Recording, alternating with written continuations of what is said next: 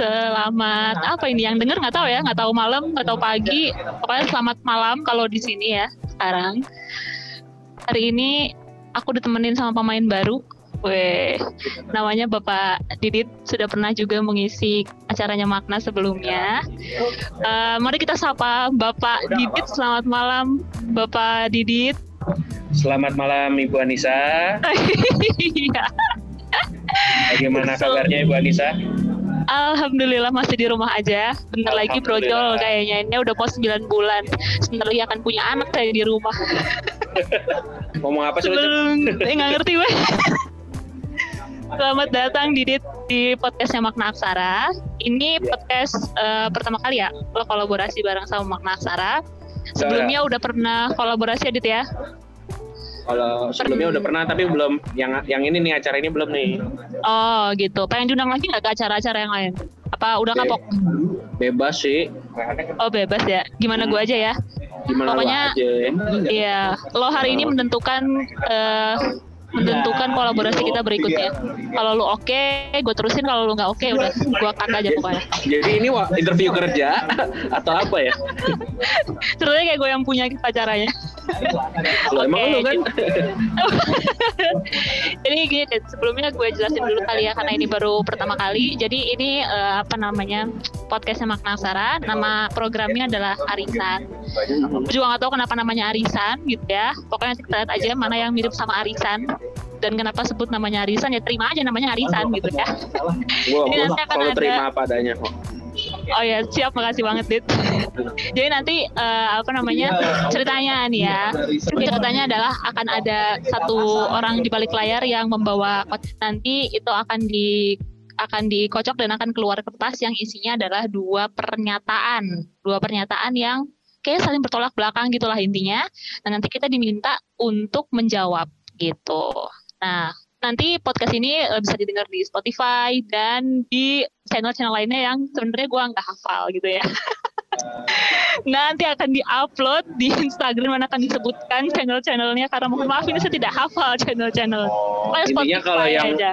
Intinya kalau udah yang denger di sini berarti udah tahu cem. Iya, semoga mendengar setia ya. Kecuali gue yang sebagai pengisi tapi nggak tahu di mana.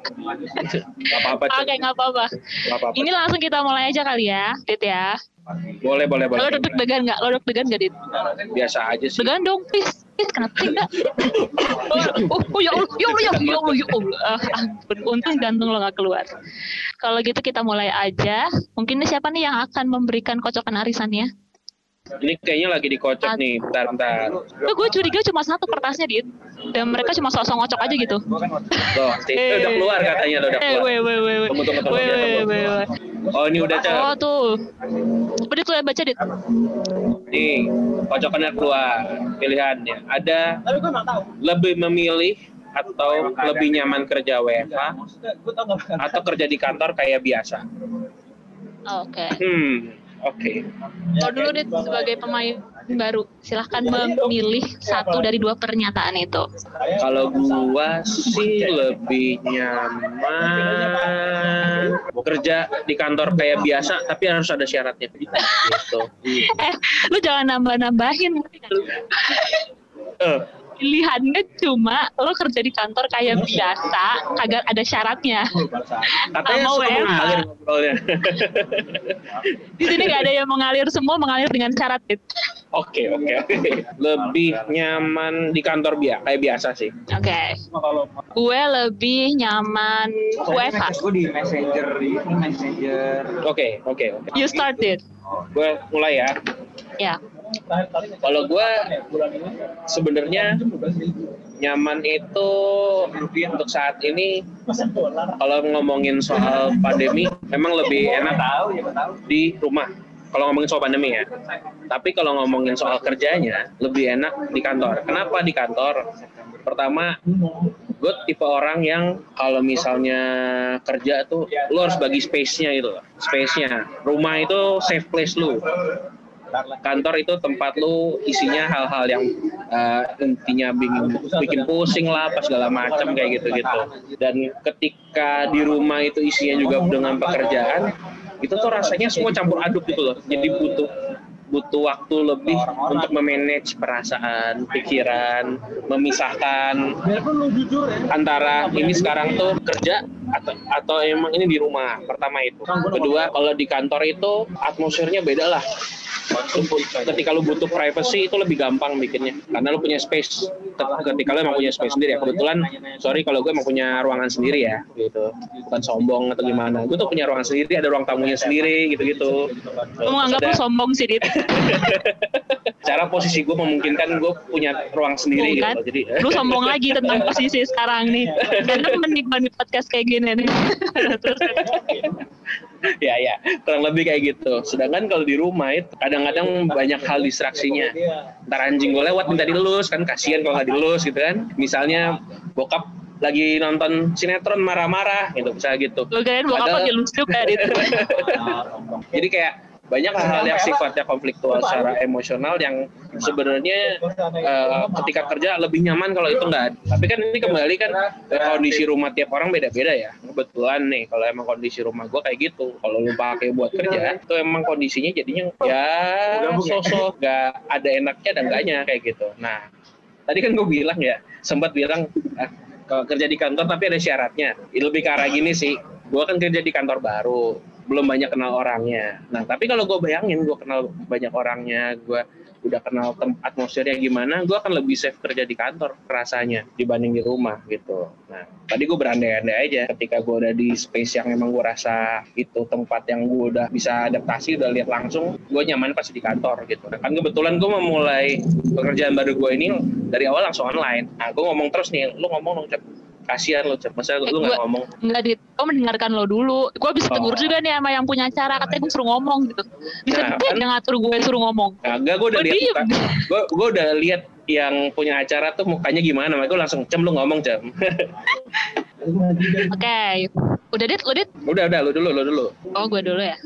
Alasannya adalah tadi gue sebenarnya pengen pengen pengen pengen apa? Ngomong banyak hal sih tengah-tengah lo ngomong, tapi gue pengen tahu dulu, pengen tahu okay, dulu okay. ending endingnya apa. Oke, okay, kalau gitu. Kalau gue kenapa gue milih WFH sebenarnya surprisingly gue juga kaget kenapa gue saat ini apa ya gue merasa banyak diuntungkan tanda kutip dengan WFH gitu ya. Tapi ini kalau orang-orang kantor gue denger nih podcast gue dilabrak kali. Emang kantor lo di mana cem? Mau di mention atau gue langsung baginya di grup kantor ya biar Enggak sih, jadi uh, surprisingly gue kaget juga karena gue pikir gue gak bakalan betah uh, WiFi ya, karena uh, kalau gue me, mereflect atau melihat diri gue sendiri, kayaknya gue bukan tipikal orang yang bisa stay in a long time di rumah gitu. Karena selama sebelum WiFi juga, sebelum ini kita ngomong pandemi ya, kayak sebelum pandemi juga uh, gue jarang di rumah gitu kan. Rumah tuh kayak bener kata lo tadi kayak tempat nyaman gitu ya. Tapi ternyata setelah setelah WiFi-nya dan dicoba kayaknya gue nyaman banget di rumah gitu. Uh, dalam artian gue tetap bisa kerja juga di rumah terus gue bisa apa ya gue bisa misahin misahin tempat-tempat. Gue bisa kerja di mana pun karena buat gue semua tempat di rumah gue itu uh, safe place buat gue gitu. Jadi even di dapur pun gue merasa bisa-bisa aja gitu kerja gitu. Walaupun maksudnya kayak backgroundnya ya secara etika dan sebagainya emang mungkin gak oke. Okay. tapi kalau misalnya dikatakan gue kerja di dapur somehow gue juga sambil dengerin gitu ya di dapur yang gak yang gak harus gue nunjukin video gitu. Ya gue juga kaget sih uh, kenapa gue lebih nyaman WFH saat ini gitu ya kerja di rumah. Sebenarnya kalau misalnya kayak di kantor mungkin satu gue justru nggak punya personal space Jet kayak lo. Beda ya emang posisinya beda beda. Jadi gue emang gak punya personal space kayak lo satu. Terus yang kedua eh apa ya? Semua orang di semua orang di kantor gue itu punya jadwalnya beda-beda. Jadi semua orang punya jadwal yang beda-beda gitu ya. Jadi lo tidak pernah punya benar-benar satu orang yang jadwalnya sama kayak lo. Jadi uh, apa ya? Semua orang itu sibuk masing-masing gitu dengan jadwalnya masing-masing. Jadi kalau lo ngobrol sama orang tuh benar-benar kayak sebentar, sebentar, sebentar, sebentar gitu. Dan nggak punya personal space. Kenapa? Karena gue kerja di lingkungan yang isinya anak-anak. Meanwhile apa namanya? tanda kutip anak-anak tuh berantakan gitu loh di di kantor lo gitu jadi ada perasaan kalau misalnya kayak lo lagi pengen sendirian tuh nggak bisa karena apa ya karena ya banyak orang di situ gitu. Dan semua ruangan di, digunakan gitu. Dan emang gue gak punya ruangan pribadi. Terus abis itu ya mungkin itu sih. Tapi gue juga punya syarat sih Dit. Kalau misalnya gue WFA gue punya syarat dalam artian gue mungkin nggak di rumah terus. Jadi work from home plus plus. Dalam artian gue bisa di rumah gue bisa kadang keluar tapi nggak ke kantor gitu intinya. Jadi WFH itu work from everywhere ya. work from Everywhere. ya.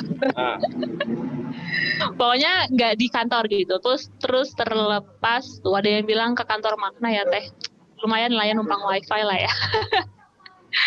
Jadi gue lebih memilih kayak kerja bisa di saat ini gue kondisi di rumah tapi lebih kepada gue bisa kerja dari mana aja gitu. Nggak mesti ke kantor karena gue bukan 9 to 5 pegawai gitu. Gue lebih seneng dari 24 mana. hour pegawai. Lebih senang gitu ya. 24 hour by heart Weda. Oh by heart. Jadi semuanya harus by heart ya. iya gitu kalau heartnya nggak mau ya nggak mau aja udah Oke Tapi mungkin itu sih Dit, kalau kalau gue ya gitu. Bang gue nggak tahu sih kenapa. Maksudnya apa yang bikin apa yang bikin lo nggak nyaman untuk kerja di rumah untuk saat ini ya? Oke. Kalau gua sih setelah gua ngerasa pas selama kurang lebih berapa ya? Karena kan gue mulai kerja awal tuh awalnya di bukan di rumah kan. Di awal gue kerja gue kerja di Wisma Atlet kan. Pas kerja di tempat yang kerja sekarang. Kalau kerja yang di eh, apa namanya? Yang di rumah itu berasanya ketika gue tidur gue mau istirahat itu tuh rasanya jadi tetap apa ya nggak nggak semudah itu istirahat gitu loh dibanding gue kalau kalau gue kerja ada perjalanan pulangnya gitu loh jadi gue gue selama ini pola gue kalau bekerja ya zaman gue di Jogja nih ya gue kerja di eh, daerah tertentu misalnya di Jogja namanya daerah Pakualaman rumah gue kos kosan gue di daerah eh, Sleman kayak gitu ya daerah Sleman dekat UGM. Orang-orang bilang udah ngekos aja deket di Pakualaman kayak gitu. Gue selalu milih enggak. Kenapa? Karena gue ngerasa ketika gue tetap ada di sekitar situ, buat istirahat tuh rasanya nggak istirahat gitu loh. Karena masih sangat berkaitan dengan tempat bekerja gue. Sedangkan space yang di sana adalah space untuk bermain, untuk istirahat.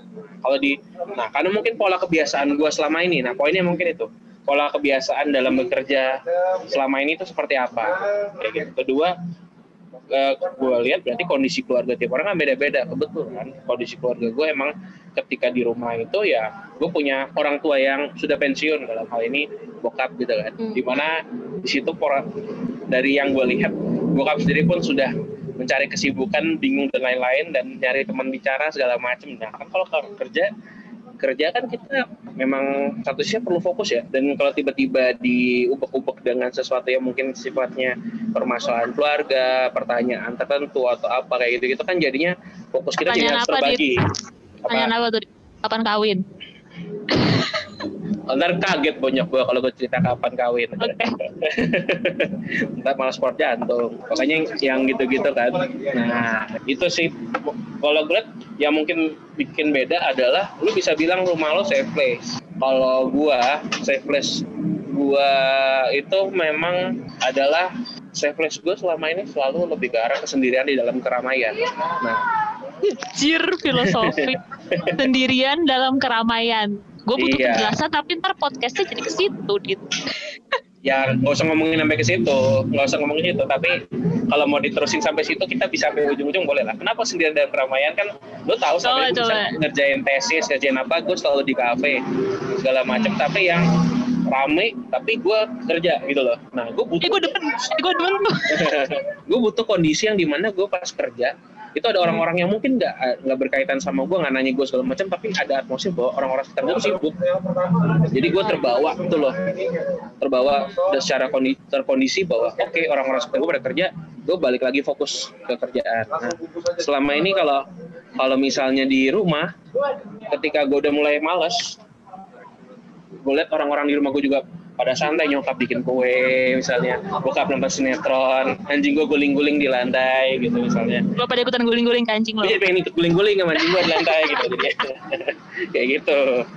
Ya kan maksudnya atmosfernya tuh beda banget. Atmosfernya homey banget. Ah ntar lah gue mau rebahan dulu ah. Ah ntar ah gue mau ke kamar mandi dulu ah. Boker ya itu nggak apa-apa ya sebenarnya. Hmm. di kantor juga mau boker boker aja ya. Iya. nah ya jadinya ada banyak alasan untuk gue bersantai.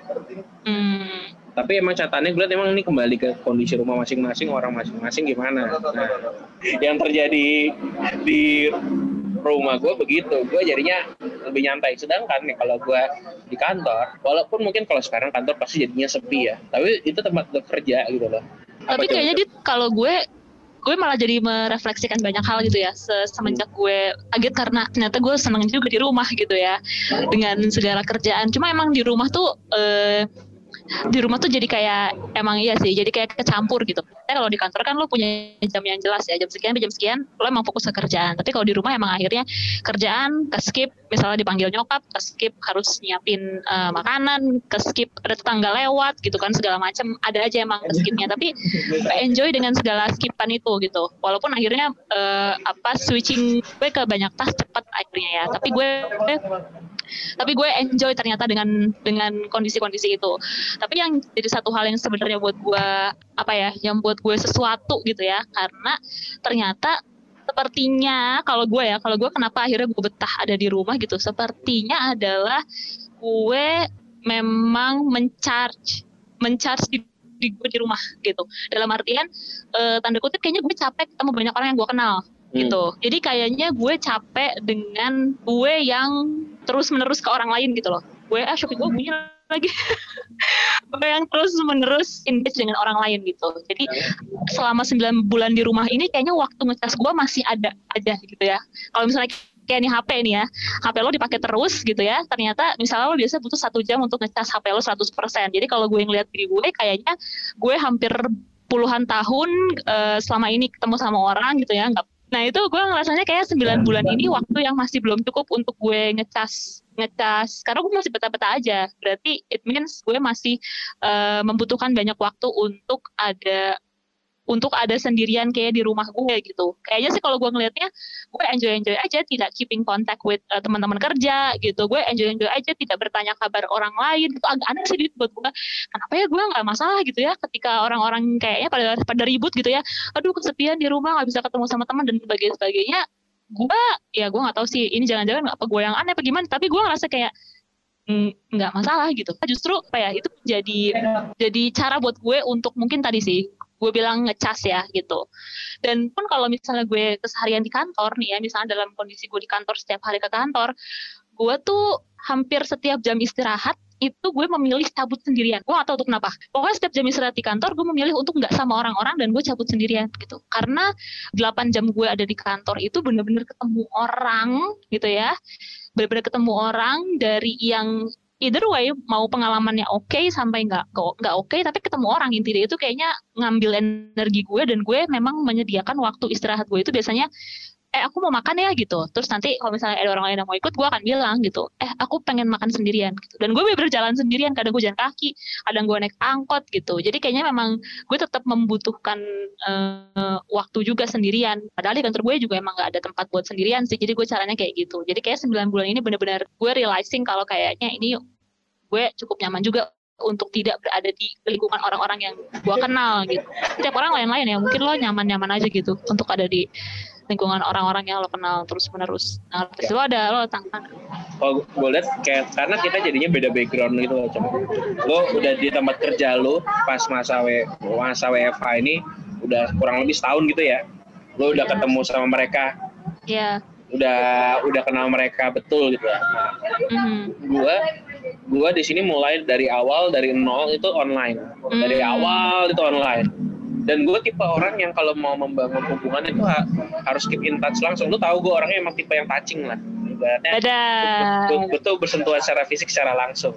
Asik biar get it personal gitu lah karena hubungan oh, gue gitu. sama tim itu selalu personal biasanya kalau gue ngerasa ketika gue kerja di rumah ini I feel lonely gitu loh lonely hmm. kenapa ngerasa lonely karena di sini gue sebagai anggaplah sebagai kepala sebuah tim di mana kalau gue mau nyaman sama tim itu kan gue berarti harus membangun relasi sama tim itu kan nah mm-hmm. gue tipe orang yang selama ini itu jarang ya kayak lu sama Awin lah kita saling kenal gue bukan tipe yang deket dengan orang lain tuh lewat online chatting atau apa segala SMS kecuali gue punya niat tertentu gue sendiri juga tipe orangnya kadang-kadang butuh waktu juga untuk menyendiri juga gitu tapi kayaknya ini udah terlalu lama sih kalau untuk gue sekarang kayak gitu gitu Mungkin ya sih, Dit. Maksudnya kayak kalau misalnya ya kita ada di starting point yang beda gitu ya. Kalau lo mungkin kantornya dari awal belum pernah kenal sama orang-orangnya gitu. Kebetulan gue WFA emang pas udah pada kenal juga orang-orangnya kan. Ya mungkin karena maksudnya karena juga kenal gue secara personal gitu ya. Gue tipikalnya senang ketemu sama orang sebenarnya, tapi itu tadi gitu gue juga finding out sesuatu ternyata setelah WFA ini ternyata gue nggak se nggak sesenang itu. Dalam artian gini eh gue senang ketemu orang tapi ternyata gue jauh lebih senang ketika gue sendirian. Dan itu masih gue rasakan sampai jalan 9 bulan ini gue nyaman banget jadi eh, kalau misalnya dikatakan misalnya gimana nih lo nggak bisa ketemu sama orang dan segala macam buat gue fine fine aja gitu ya Hmm. bahkan itu sesuatu yang ya buat gue sih menarik karena akhirnya WFA tuh membawa membawa hal baru buat gue dan membawa mungkin di luar sana juga ada orang-orang yang sama gue menemukan sesuatu justru tentang dirinya selama WFH ini. Jadi mungkin ada orang yang ngeh kebutuhan dia untuk ketemu sama orang tuh ternyata apa namanya besar gitu ya selama WFH ada juga mungkin orang yang kayak gue gitu ternyata kebutuhan gue untuk ketemu sama orang tidak sebesar itu gitu. Meanwhile sehari-hari ketemu sama orang juga gitu. Jadi buat gue sih surprisingly it turns out good dengan adanya WFH ini. Dan gue sampai kayak kebayang bercita-cita gitu loh Dit, kalau di masa depan atau misalnya gue punya rumah rumah gue harus punya kantor buat gue sendiri gitu.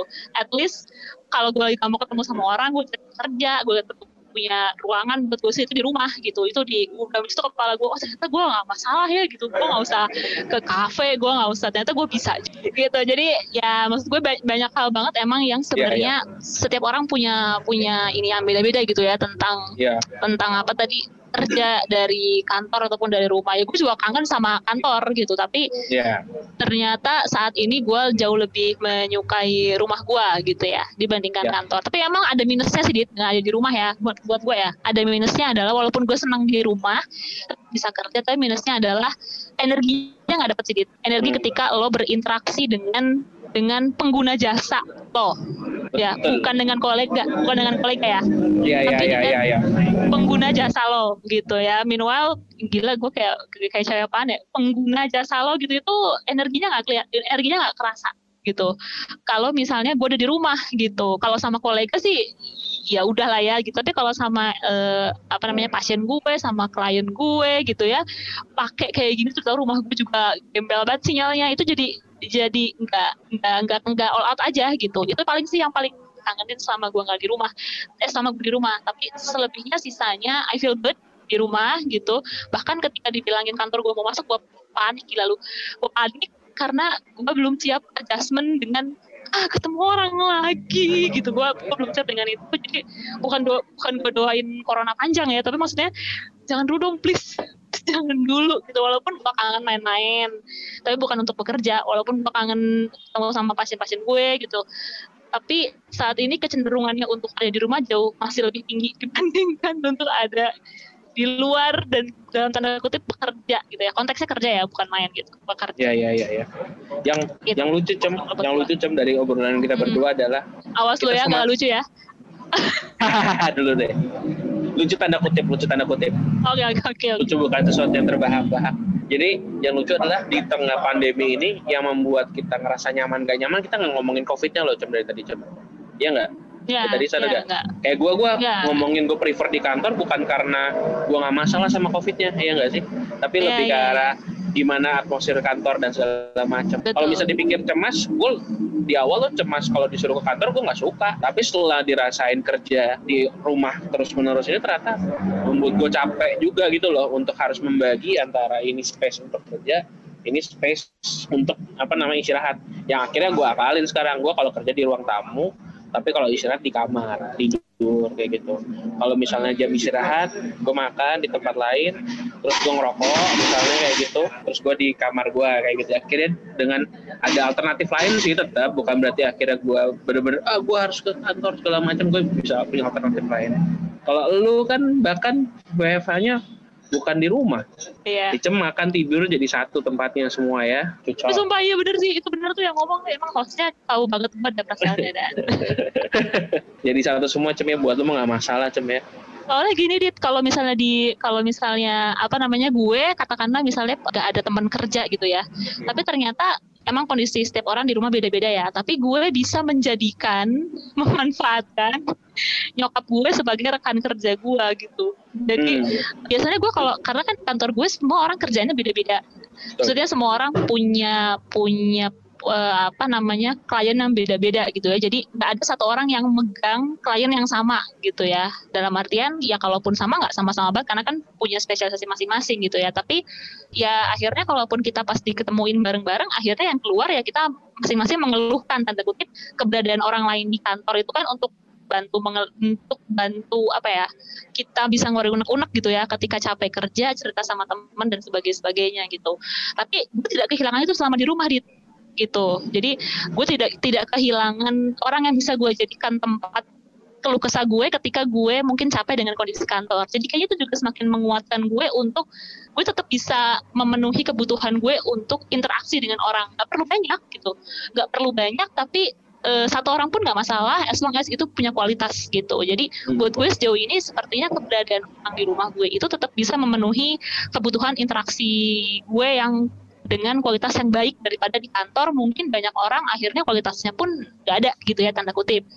Tapi e, kebutuhan gue untuk punya interaksi dengan orang lain teman kerja di kantor terpenuhi oleh keberadaan mak gue gitu. Jadi kalau misalnya ya asik aja gitu. Kadang misalnya kan bahas pasien gue, nyokap gue gitu ya, ikutan dengerin praktek gue gitu, terus ikutan jadi pengen ikutan belajar juga nyokap gue. Kadang ada misalnya webinar gue males ikut ya yang ikut gitu di gue. jadi gue gue jadi gue enak banget gitu dalam artian gue tetap punya support system uh, di walaupun nggak di kantor tapi gue tetap punya support system jadi menurut gue sih bukan berarti gue tetap bukan berarti gue nggak butuh orang lain tapi ternyata uh, satu orang support system itu penting walaupun uh, lo away dari support system lo yang sesungguhnya dari kantor gitu sih. Yeah, yeah. Kalau gue balik lagi ke kondisi ke kondisi orangnya masing-masing gitu.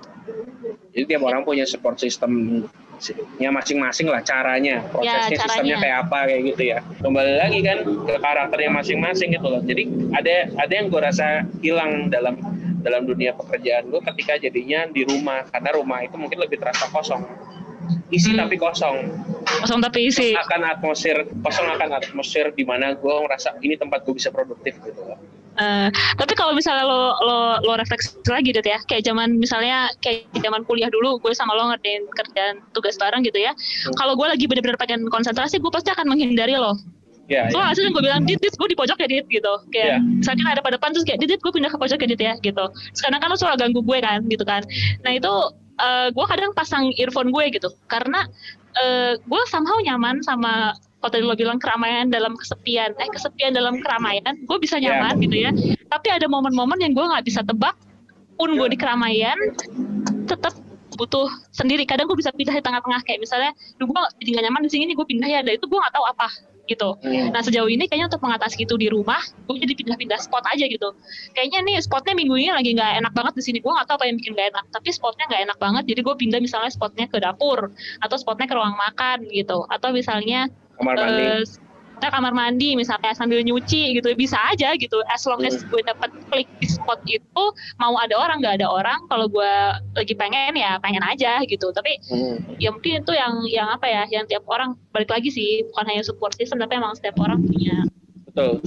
Ya, itu, Jadi ada beberapa punya, poin ya, support system, habit juga dalam kerja, habit dalam hmm. coping hmm. strategisnya juga gitu ya, dalam ya, ngadapin ya, ya. ngadapin kondisi tertentu kayak gitu. Iya, iya. Dan kalau kayak lu tadi lu jadi punya spot-spot tertentu ya. Kalau lu ngerak lu tipe yang kayaknya pengennya yang pindah-pindah gitu ya jadinya ya. Kayak yang lu bilang ya kalau stay di satu tempat Kayaknya. tuh kayaknya.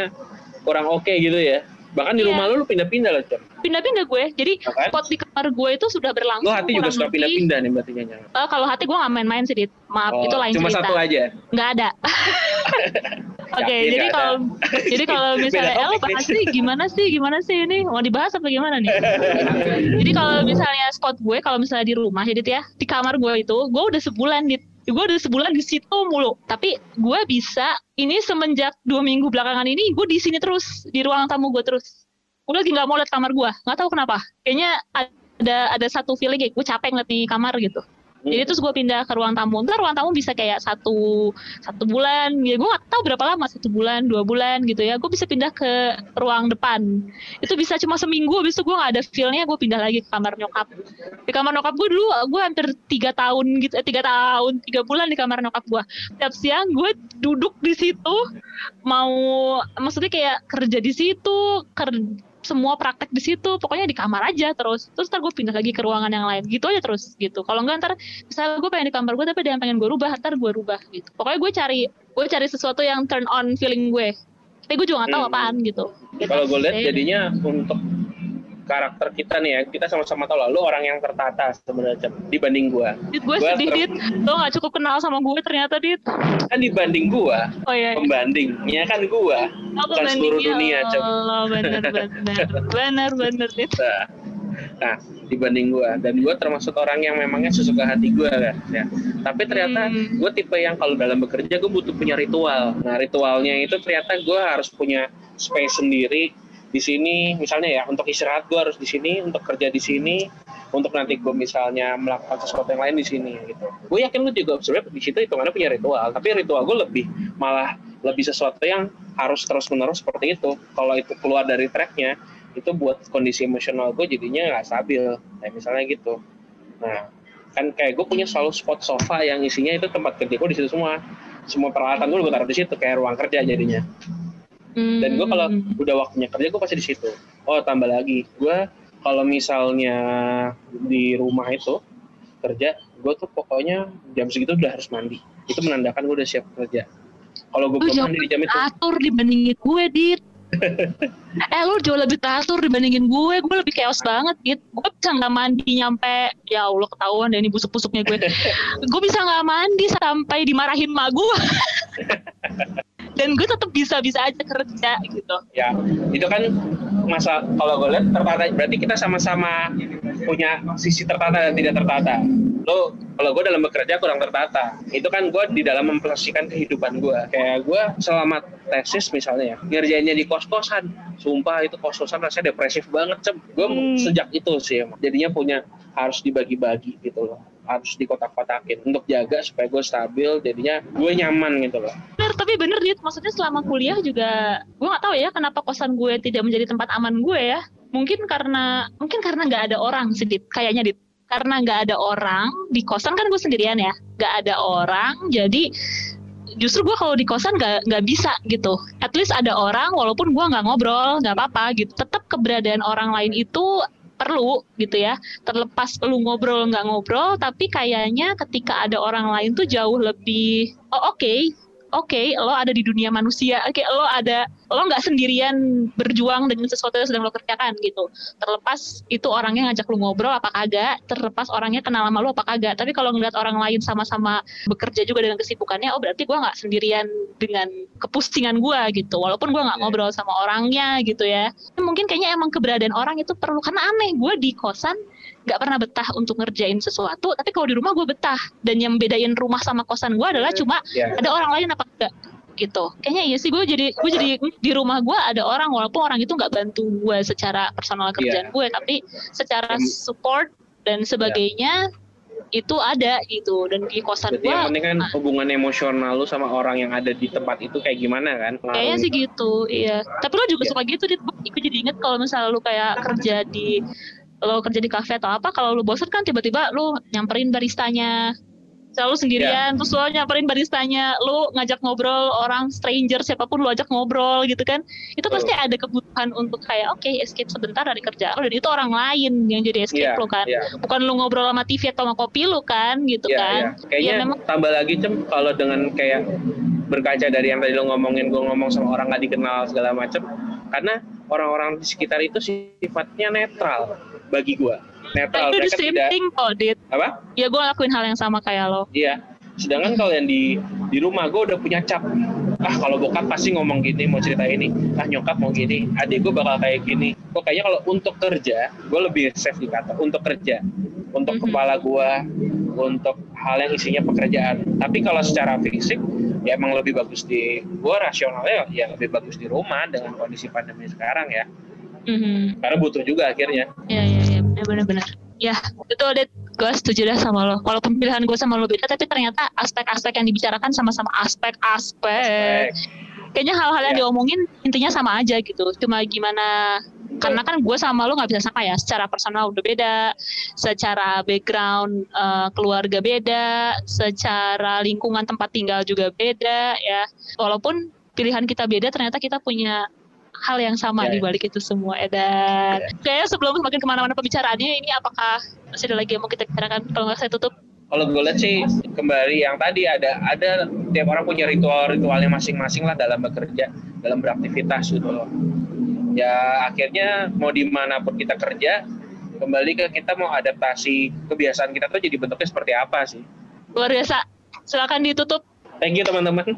Udah dengerin makna aksara pada malam, siang, hari, pagi hari, dini hari, kapan pun kalian dengerin. Walaupun ini bukan acara gue, tapi ya udah gue sok-sok nutup aja. ya nggak apa-apa lo kan bagian dari gue Edan tapi gue eh, rasa ini asik sih dan apa yang dibikin sama makna aksara yang disebut sebagai arisan jadi buat orang yang senang diskusi dan suka dengerin diskusi itu nggak memberi- tidak memberikan batasan dalam pilihan-pilihan kehidupan gitu loh dan membuat orang jadinya mikirnya bisa terbuka gitu. Yeay. dan lu nggak harus selalu hitam dan putih Weh. ternyata ternyata dari makna aksara ini bisa membuat Weh. seseorang diskusinya tuh jadinya ada kerucutnya gitu loh walaupun di awal mereka kasih sesuatu yang kesannya konfliktual itu yang gue dapat sih dari dari podcast ini gitu cem Oke, perlu tutup lagi nggak? bersama lo cinta damai. Terima kasih teman-teman semuanya. Gak usah. Stay safe, sehat selalu. Semoga vaksin segera ada. Sampai jumpa Bapak Didit dalam pertemuan berikutnya. Dadah. vaksin 2021